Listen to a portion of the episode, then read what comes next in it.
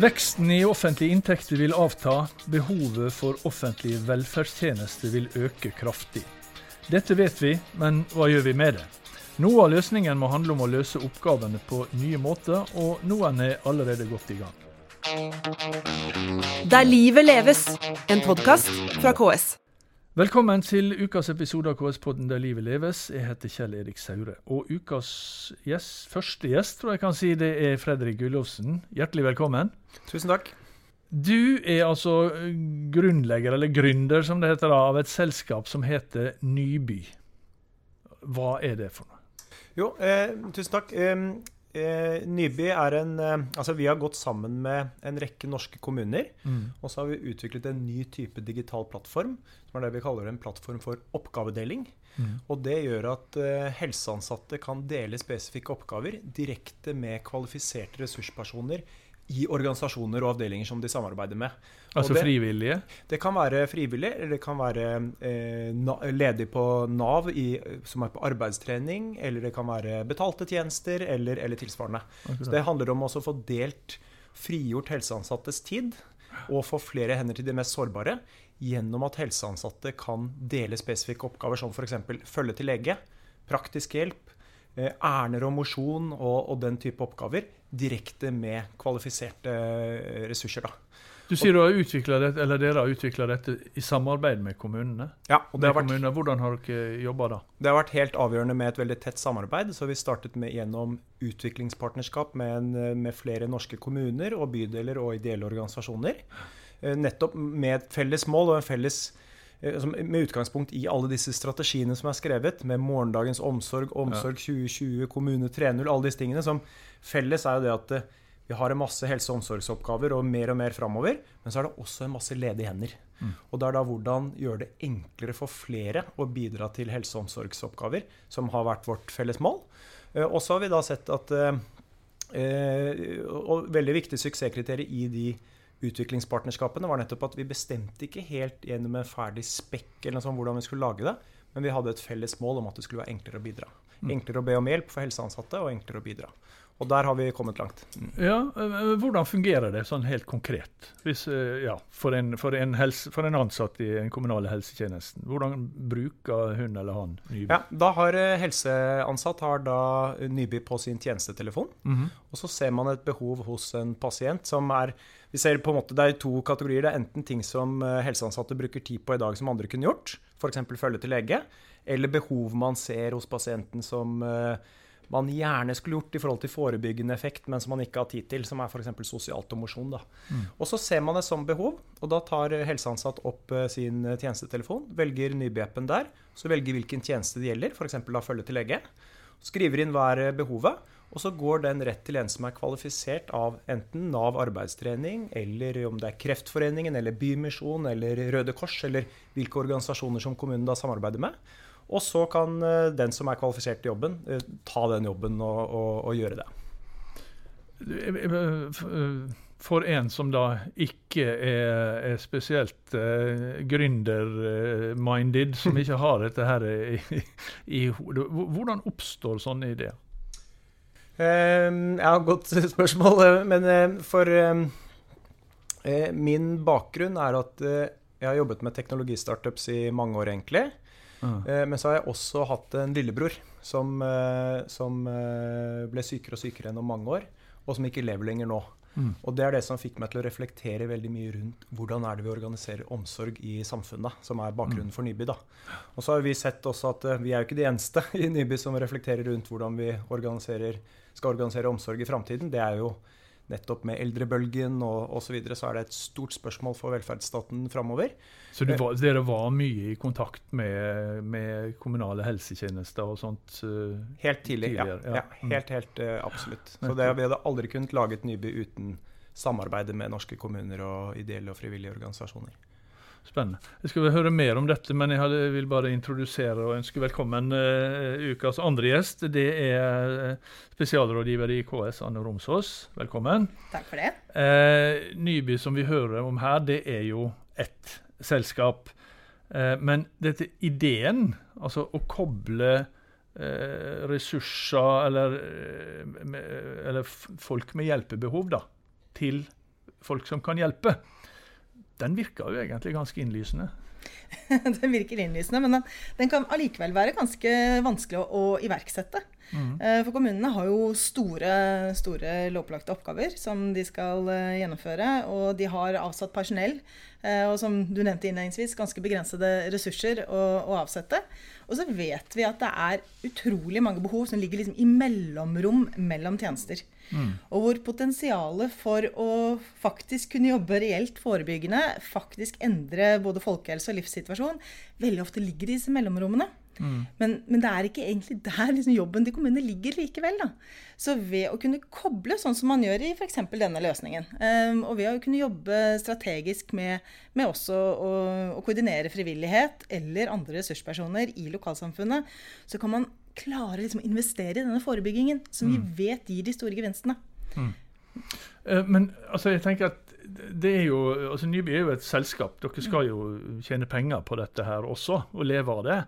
Eh, og så tenker Jeg at jeg har i fall hørt en del sånne eksempler på at kommunemarkedet kan være ganske vanskelig å komme inn på.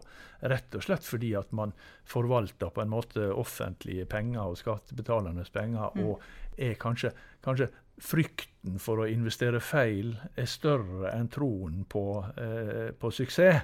Har du opplevd det forresten, eh, Fredrik? Ja, vi har jo Først så må jeg si at vi har vært eh, veldig heldige fordi vi har fått med mange utviklingspartnere helt tidlig. fra Faktisk før vi hadde da spesifikasjon og før mm. vi hadde en eneste linje i kode, egentlig. Fordi vi var med på Vi, hadde, vi inngikk partnerskap med felles formål. Og det tror jeg er et veldig sånn bra utgangspunkt da, for at man ser hvor er det man ønsker å komme, framfor, framfor bare spesifikasjon eller tilsvarende. Så vi har vært veldig heldige med utrolig fine partnerskap der. Men vi merker jo at uh, det å gå fra da de første partnerne, og gå fra piloter og liten skala osv. Mm. til å skalere det virkelige, mm. Eh, det er jo krevende i det er jo krevende i alle store organisasjoner, enten det er offentlig eller privat, men så er det noen ekstra friksjonspunkter i, i offentlig sektor da, som vi jobber masse med. Og Hva kan vi gjøre for å fjerne det? Og det er jo ofte det at det er en handler om å skape det vi kaller juridisk komfort. Mm. Eh, både ved å anskaffe tjenester, men også ved å ta det i bruk. For mm. dette her handler jo veldig om å gå fra én måte å jobbe på og én arbeidspraksis til å jobbe på en ny måte. Og det er felles for veldig mye digital transformasjon, egentlig. Og så ser vi at lovverket er som oftest veldig bra.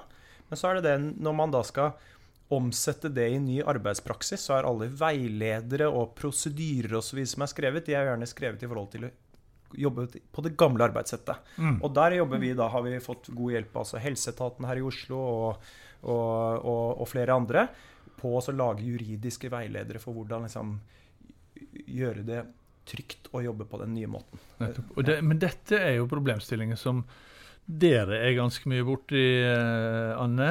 Eh, dette med ja. å eh, gjøre ting på nye måter.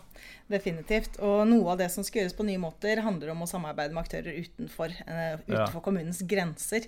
Uh, og det du nevnte der innledningsvis, at det kan være vanskelig å skulle selge til en kommune. Ja, ja det er det. Uh, og det blir desto vanskeligere hvis man tror at man kan komme med liksom, noe som er en hyllevare, en ferdig løsning, og forvente at kommunen skal liksom, investere i ens produkter. Det som Fredrik beskriver her, er jo mer en, en, en samarbeidsrelasjon. Mm. Hvor man faktisk setter seg inn i og forstår hva er kommunens utfordring utfordringer. Hva er tjenestebildet her? Eh, hvilket behov skal vi jobbe sammen om å løse? Mm. For det å komme med ferdige løsninger, det, mm. det er litt, det er litt gårsdagens måte å jobbe på. Nå er det jo mer det å faktisk jobbe fram gode behovs- og behovsbeskrivelser sammen. Og finne måter å løse det på sammen. Og så ser vi jo det at uh, veldig ofte så tenker man i hvert fall når man skal kjøpe teknologi eller tilsvarende, at uh, ja, da har man veldig fokus på akkurat funksjonene og hva som er der, da. Mm. Men så vet jo stadig flere at nei, for å lykkes så er det kanskje 10-20% av teknologien. Den er jo helt avgjørende som en enabler, eller en mm. muliggjører, for å få mm. til nye ting.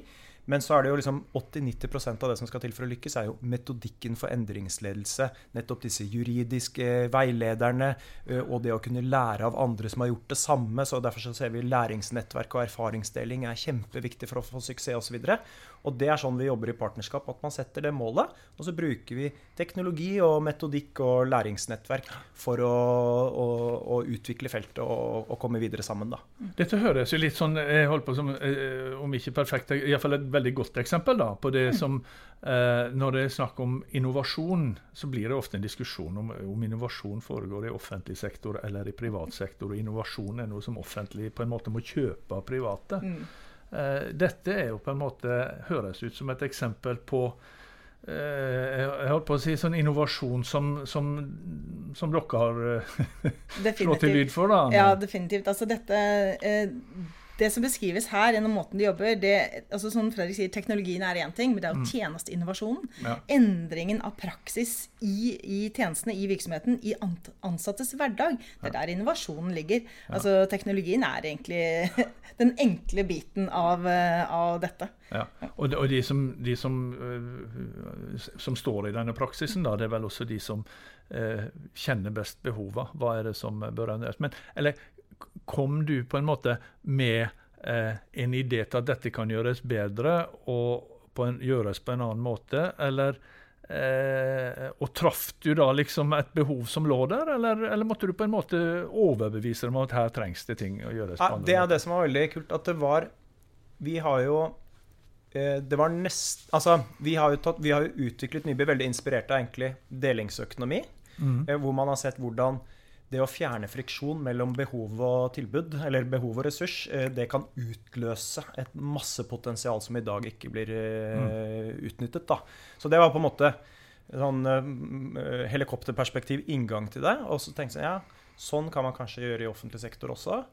Og så var det jo så det var liksom uh, utgangspunktet. Men så visste jo ikke Og, og så, når man ser på offentlig sektor, så er det sånn ja, du har for få hender noen steder i helse og omsorg. Så har du for mange andre steder. Og begge deler er samfunnsmessig problem. Da. Så da var det sånn ja, da må det være mulig å utveksle oppgaver her. Men vi visste jo ikke akkurat hvilke oppgaver var viktigst å få delt fra helseansatte osv. Men det gjør vi jo eh, sammen med kommuner når vi starter. At vi stiller to spørsmål som vi pleier å få de fire samme svarene på. Nesten om vi er i Norge, Sverige, Danmark eller Tyskland. Så, eh, Ja, for dere er der òg? ja. Ja. Eh, Så er det jo det at da stiller vi spørsmålet Hva er det dere bruker tid på i dag som andre kunne gjort? Og hva, hvilke tjenester er det dere, eller behov er det dere ser hos pasientene som dere gjerne skulle gjort, som dere ikke har tid til å gjøre, men som kunne vært bra i forhold til forebyggende effekt, som er kanskje det som gir samvittighetsklemme til veldig mange helseansatte. Mm. Og når vi stiller de spørsmålene, så får vi praktisk hjelp, følge til lege, ærender, sosialt og mosjon. Det er de som går igjen alle steder. Og dette her opplever helseansatte daglig eller flere ganger i uka per helseansatt. Så det er store volumer, mange millioner oppgaver i Norge per, per år. Eh, Og det samme ser vi nedover i andre land. Og så har vi selvfølgelig andre behov også. F.eks. vi jobber med Diakonhjemmet sykehus, som bruker Nyby til våketjeneste ved livets slutt, f.eks. Som er jo en helt sånn fantastisk eh, tjeneste også. Eh, men de som går igjen alle steder, er disse fire første. Og så har, Det er jo en annen interessant del her også, Fredrik. og det er at Dere kobler jo kommunens behov på ulike sektorer som vi kanskje ikke alltid klarer å se i sammenheng. Eh, Det, noe av det dere har lykkes med, er jo også de som blir ressurspersoner i løsningen deres. Er ganske ofte mennesker som står på utsiden og kanskje ikke blir sett på som en ressurs, men som faktisk er en utgift.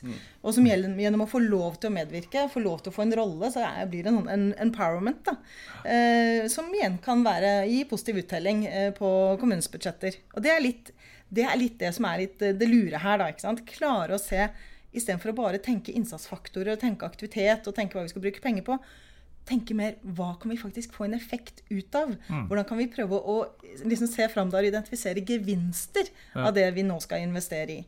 Eh, og KS har jo utviklet utenforregnskapet for å Ja. prøve å hjelpe kommuner i å gjøre de beregningene. Hva, hva kan vi faktisk få av gevinster hvis vi investerer i denne forebyggingen? Men da er jo det, eh, som jeg husker med, med, med utenforregnskapet, så er jo det på en måte eh, eh, Om ikke et problem, så er det iallfall et, et, eh, en kjensgjerning, da. At det er ikke nødvendigvis de samme som gjør investeringene, som får gevinsten. Og da er det mye vanskeligere å gjøre investeringene for at noen andre, eh, selv om det er i det offentlige, mm. skal få gevinsten. Ja, det er, og det er, en, eh, det er et dilemma, og det er en utfordring. Men det er derfor man også må jobbe i mye større grad med å nettopp sette opp de gevinstanalysene. Lage nærmest business case, så at man kan ta den samtalen da. Hvis du ser at ok, eh, lokalt forebyggende tiltak sparer faktisk stat for mye penger, da må vi faktisk ta den dialogen. Da må vi begynne å snakke om dette og begynne å snakke om en, kanskje en, en endring i ressursinnsatsen. Mm. Det er kjempeinteressant dette her med innsats et sted kan gi gevinster et annet sted. Mm. Og det er jo mange fantastiske samhandlingsprosjekter mm. som strander litt fordi Nettopp. hver silo må på en måte tenke for seg. Og eh, Nyby har da nettopp, akkurat som Anne var inne på, en av de liksom, virkelige gevinstene som gir masse energi i en del kommuner, Melhus er et kjempeeksempel på det, er jo nettopp det hvordan eh, folk som er langt unna arbeidslivet, har blitt snudd til å bli helter ikke sant? gjennom at de løser oppgaver for helseansatte, mens de før ble sett på som eh, mer bare en kostnad og en utfordring. ikke sant? Så det er helt sånn fantastisk. Der snakker de om eh, liksom, hvordan det har gått fra å tenke også dem til å tenke vi. Eh, men det vi, eh, det vi eh, har sett, da, er at det, måten å få dette til å skje, for å få disse meningsfulle oppgavene opp, så må det lønne seg isolert for helse. Så de må se det at tiden de sparer, og økt kvalitet de gir, det er betydelig høyere enn investeringskostnader. Det kan ikke være bare innsats et sted og bare gevinst et annet sted. Og det, og, det, og det vi, har vi sett da ved å starte helse, så er uh, ROI-en, eller gevinstpotensialet, mm. såpass høyt. Det er, er 50-100 ganger høyere enn kostnadene ved å innføre er potensialet. Så ser Ja, da blir det forankret ordentlig. Det blir lett for helsesjef, eh, eller i hvert fall enklere for helsesjef å sette av ressurser til endringsledelse osv. Og, så og da kommer oppgavene, og da kan helse ha regne hjem investeringen i sitt budsjett.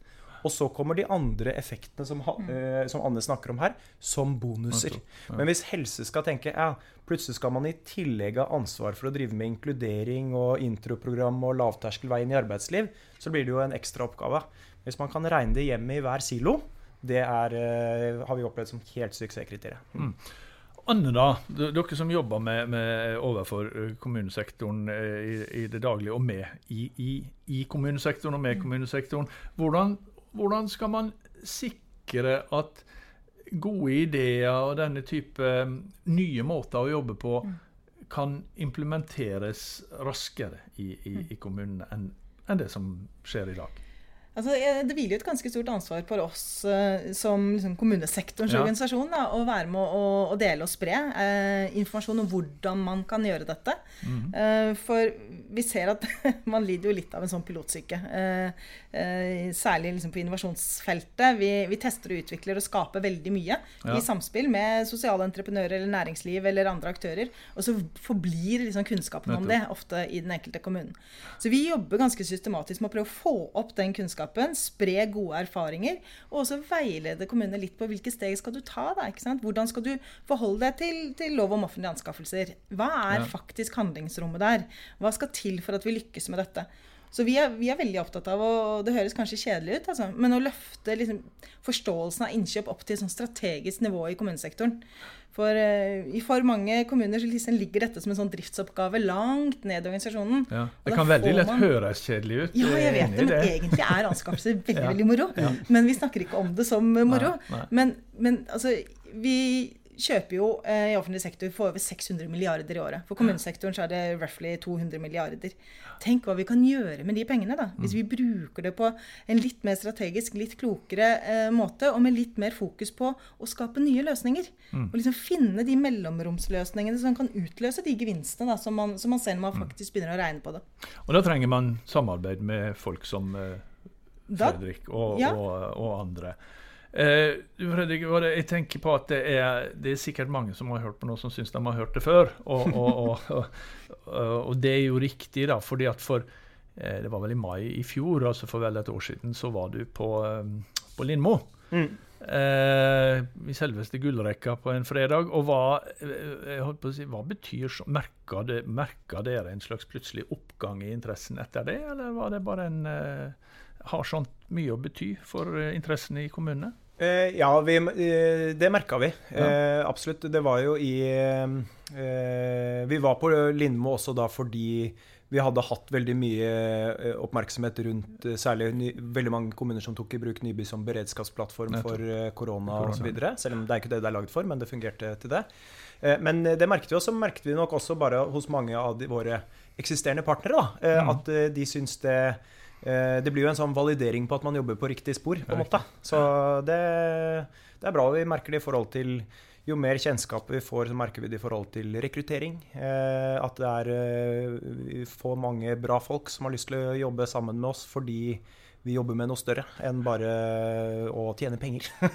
så det er, det er, også veldig bra, da. Ja. Ja, Fredrik Gullåsen og Anne Romsås, tusen takk for at dere kom til KS-podden Der livet leves. Det var det vi rakk i dag. Vi er tilbake med en ny episode neste uke. Der livet leves, en podkast fra KS.